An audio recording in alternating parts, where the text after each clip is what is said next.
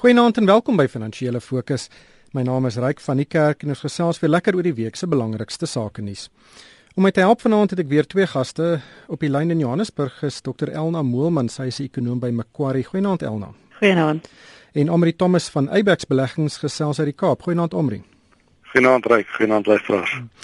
In vanaand se program gaan ons gesels oor die wisselkoers van die rand wat die week tot sy swakste vlak sedert 2008 teen die dollar verswak het. Is dit bloot die gevolg van 'n baie sterk dollar of begin swak binnelandse ekonomiese toestande en vooruitsigte nou ook sy tol eis? En ons gaan gesels oor die Suid-Afrikaanse lugdiens wat die week weer in die nuus was, maar ongelukkig ook weens verkeerde redes. En ons gaan gesels oor die groep se 10de regrukplan in 10 jaar en hoe wesentlik is dit is dat sommige beleidsmakers die woord privatisering die eerste keer in jare begin fluister. Maar Elna, kom ons begin by die rand. Die wisselkoers word gesien as 'n aandeleprys van 'n land en indien dit die geval is, is Suid-Afrika nie juis op die beste platform nie. Uh, dit gaan eintlik maar sleg as die, as die rand die barometer is. Uh, hoekom dink jy die rand so skerp verswak hierdie week? Ek dink daar's 'n hele aantal faktore. So as ons byvoorbeeld gaan kyk spesifiek na die rand, ja, ons het oor die laaste week of wat nogal heelwat verswak, maar as ons gaan kyk wat met ander ontleikende markte en kommoditeitsgeldeenhede gebeur het, byvoorbeeld Suid-Afrika en Brasilië het oor die laaste week of twee baie dieselfde vertoon. So deels wat ons sien is is 'n internasionale tendens, maar ongelukkig is ons op 'n punt waar Suid-Afrika se fundamentele faktore ook nie besonder sterk is nie en daar is kommer oor 'n aantal goed. Daar is bietjie kommer oor beleid en of ons genoegsame beleidshervorming gaan sien om ekonomiese groei in die medium tot langer termyn beter te kry en daar's natuurlik bietjie kommer oor die fiskale kant. Met ander woorde, ons het nou groot fiskale verswakking gesien, baie bemoedigende mediumtermynbegroting, maar ek dink beleg beleggers is 'n bietjie ongemaklik nog oor die implementering daarvan. So kommer oor as groei weer eens teleurstel oor die volgende jaar of twee wat die implikasies dan vir die fiskale posisie sal wees. En jy het nou genoem van SAA en Eskom natuurlik. So daar's 'n paar sulke faktore wat moontlik ook op 'n of ander stadium 'n impak op die fiskale posisie kan hê. So as jy nou, nou al hierdie onsekerheid het, is dit baie moeilik om te regverdig hoekom die rand dan nou heelwat sterker behoort te wees net om aan te sluit daarby Elna wat wat interessant is is die opkomende mark geldeenhede. As jy nou kyk dit as as 'n mandjie is nou op 'n nuwe laagtepunt selfs laer as wat ons op die in, in na die 2008 2009 krisis was. So dit van die een kant af speel in op die op die rand en natuurlik ons kommoditeitspryse wat onder so 'n geweldige uh, druk was. Ons word nog steeds gesien as 'n kommoditeitsgeldeenheid en dit het ook nog verdere druk saam met die politieke en en groei faktore in Suid-Afrika ook op die, op die rand geplaas. Elna verduidelik vir ons hoe word die wisselkoers bepaal? Is dit uh, bloot eh, 'n uh, funksie van vraag en aanbod of is daar ander faktore wat ook 'n rol speel? Dit is maar vraag en aanbod, maar mense moet onthou dat nie al daardie vraag en aanbod net direk verband hou met handel nie.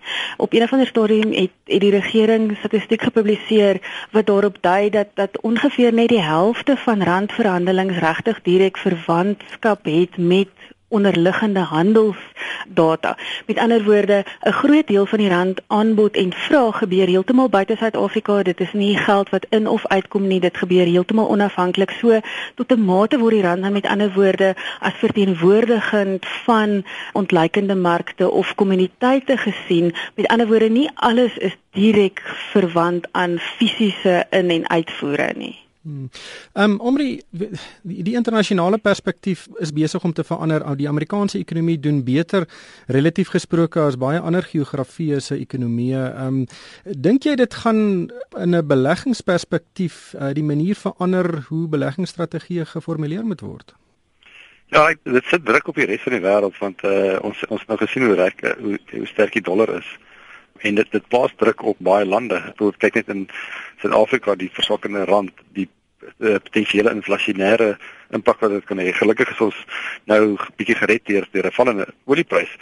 Maar hulle uh, rentekoers begin verhoog en dat hulle dit begin doen voor die res van die wêreld ook op al op die herstelpad is en dit kan die hele wêreld groei uh ontspoor. Ehm um, en en dit is die risiko. So waar kommentators baie bekommerd was dat rentekoerse gaan opgaan uh vroeër eerder as later dink ek Amerikaanse Federale Reservebank weet daarvan en ek dink hulle sal baie versigtig wees om 'n globale resessie te probeer uh, vermy. So ek dink ons kan rentekoerse laer sien langer as wat as wat die mark verwag. Elna, ons het nou al baie gesien die rand verswak vinnig. Almal uh, dink is die einde van die wêreld en dan kom die rand en dan uh, dan beklei hy sy pad terug na 'n sterker vlakke toe. Ons het dit seker die afgelope 15 jaar uh, 5 of 6 keer gesien. Dink jy ons kan dit weer verwag of is hier 'n uh, ander strukturele probleme wat dit dalk nie uh, gaan moontlik maak nie? Ek dink die rand gaan nog heelwat verstewig. So met ander woorde, ek dink op die vlakke waar ons nou is, is die rand baie swak. Dit reg maak nie regtig saak hoe jy daarna kyk en watter geld jy, jy daarna kyk, wat die periode is waarmee dit vergelyk nie, die rand is baie swak.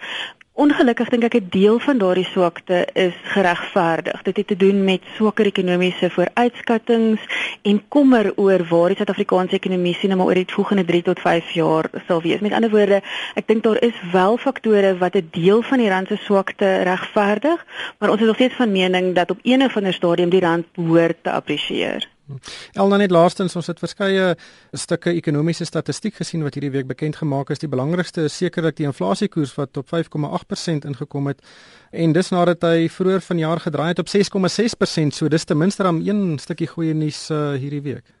Definitief. Ons dink inflasie gaan baie vinnig by die middelpunt van die teiken uitkom, so hier teen Maart, April volgende jaar. En dan sal dit natuurlik vir die Reserwebank baie moeilik wees om teen daardie agtergrond rentekoerse te begin opsit, tensy dit op daardie stadium baie duidelik is dat inflasie in die toekoms gaan styg. Met ander woorde, as jy nie op teen daardie stadium sien dat die wisselkoers verder verswak of olie byvoorbeeld baie vinnig terugkom nie, dink ek dit skep dan ruimte vir die Reserwebank om baie geleidelik rentekoerse op te sit en ook lank te wag voordat hulle dit doen doen. Wat is die rede vir inflasie wat nou so vinnig daal? Weet omtrent 6 maande gelede was dit weer 'n vloekwoord in die ekonomiese landskap. Ek dink 'n groot deel hiervan is maar die olieprys wat baie gedaal het en dit het natuurlik nie net 'n direkte impak op die inflasie mandjie nie, maar ook indirek help dit nie net in terme van jou vervoerkoste van baie goedere nie, maar dit help ook in terme van voedselinflasie en ons sien natuurlik dat voedselinflasie nou redelik vinnig begin daal. So pryse styg nog steeds maar teen 'n redelike stadige tempo. Wat ons ook sien is as jy na die randsensitiewe kategorieë van inflasie kyk, lyk dit asof daardie inflasiekoerse ook begin daal. Met ander woorde, ek dink rand teen omtrent 11 dalk 11.50 is min of meer ingeprys en en ons het reeds daardie prysdruk gesien. So tensy die rand verder verswak, is dit baie moeilik om te sien dat dit verdere druk op inflasie gaan sit. So ek dink dit is 'n kombinasie van voedsel en brandstofpryse wat wat ons direk help en dan natuurlik die die feit dat jou rand impak nou besig is om deur te werk en die ekonomie nog redelik papperig is en ek dink dit geld nie net vir die plaaslike ekonomie nie, maar ook vir die internasionale ekonomie. So ons voer baie min inflasie in as mense dit sou kan stel. Al ten minste is dit goeie nuus.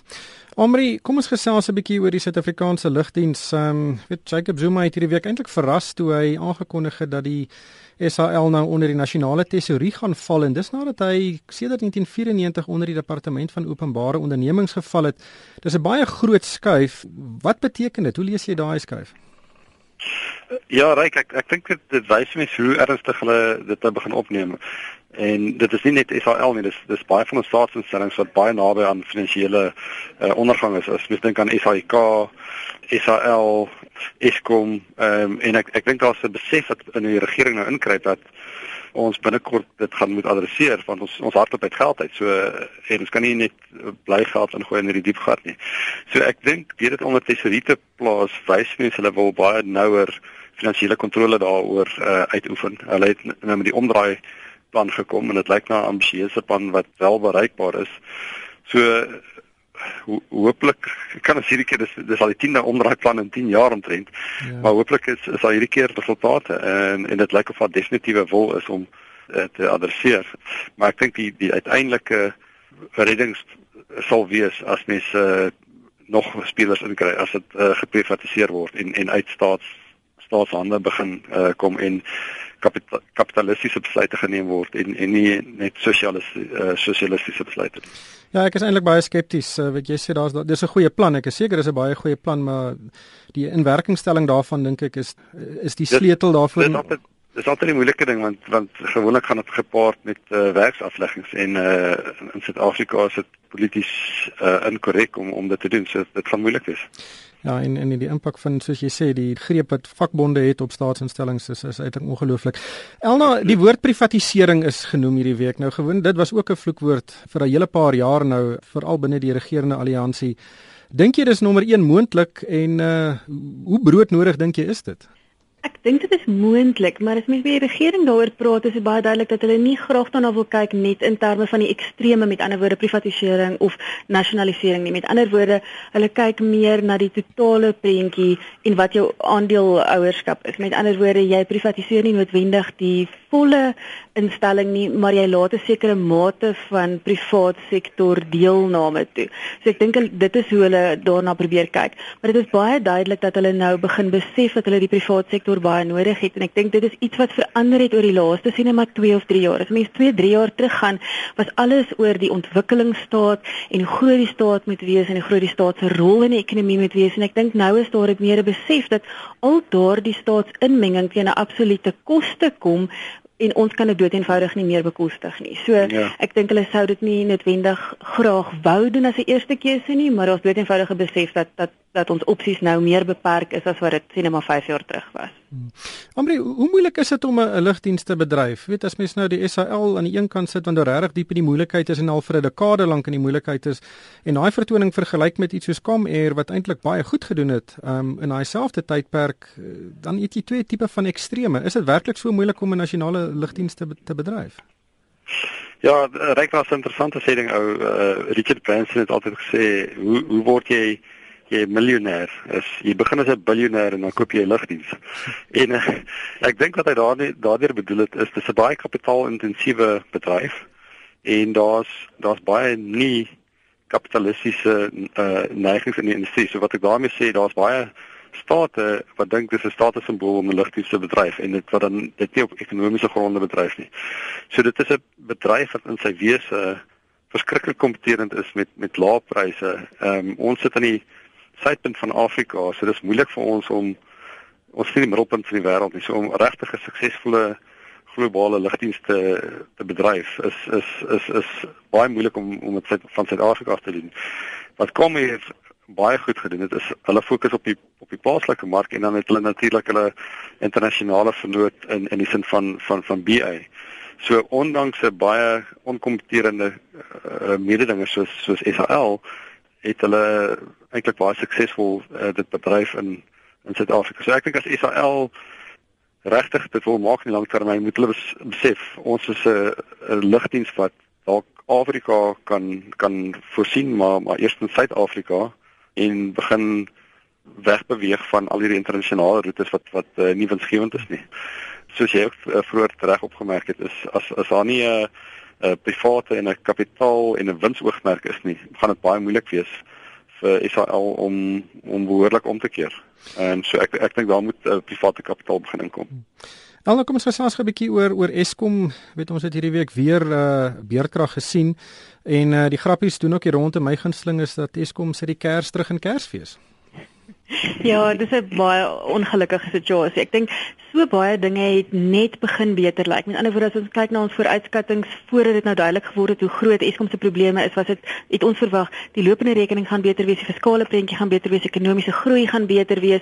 M maar ongelukkig het ons nou hierdie Eskom situasie wat absoluut donker wolk daaroor sit en die moeilikheid met Eskom is al die onsekerheid. Met ander woorde, ek dink nie enige iemand weet regtig presies hoe groot die risiko vir volgende jaar is nie. So dit maak dit baie moeilik vanuit 'n vooruitskattingsperspektief, maar dit maak dit ook baie moeilik vir enige besigheid om te wil uitbrei as hy nie weet hoeveel elektrisiteit hy oor oor die volgende jaar of twee gaan hê nie. Maar as 'n mens dan nou na Eskom se aanbiedings kyk, is die een ding wat baie duidelik is, is dat hierdie nie 'n korttermyn probleem is nie, is dat hierdie probleem gaan nog met ons wees vir 'n geruime tyd. Hmm. Omri, die die oliepryse is soos vroeër gesê het baie goeie nuus vir Suid-Afrika.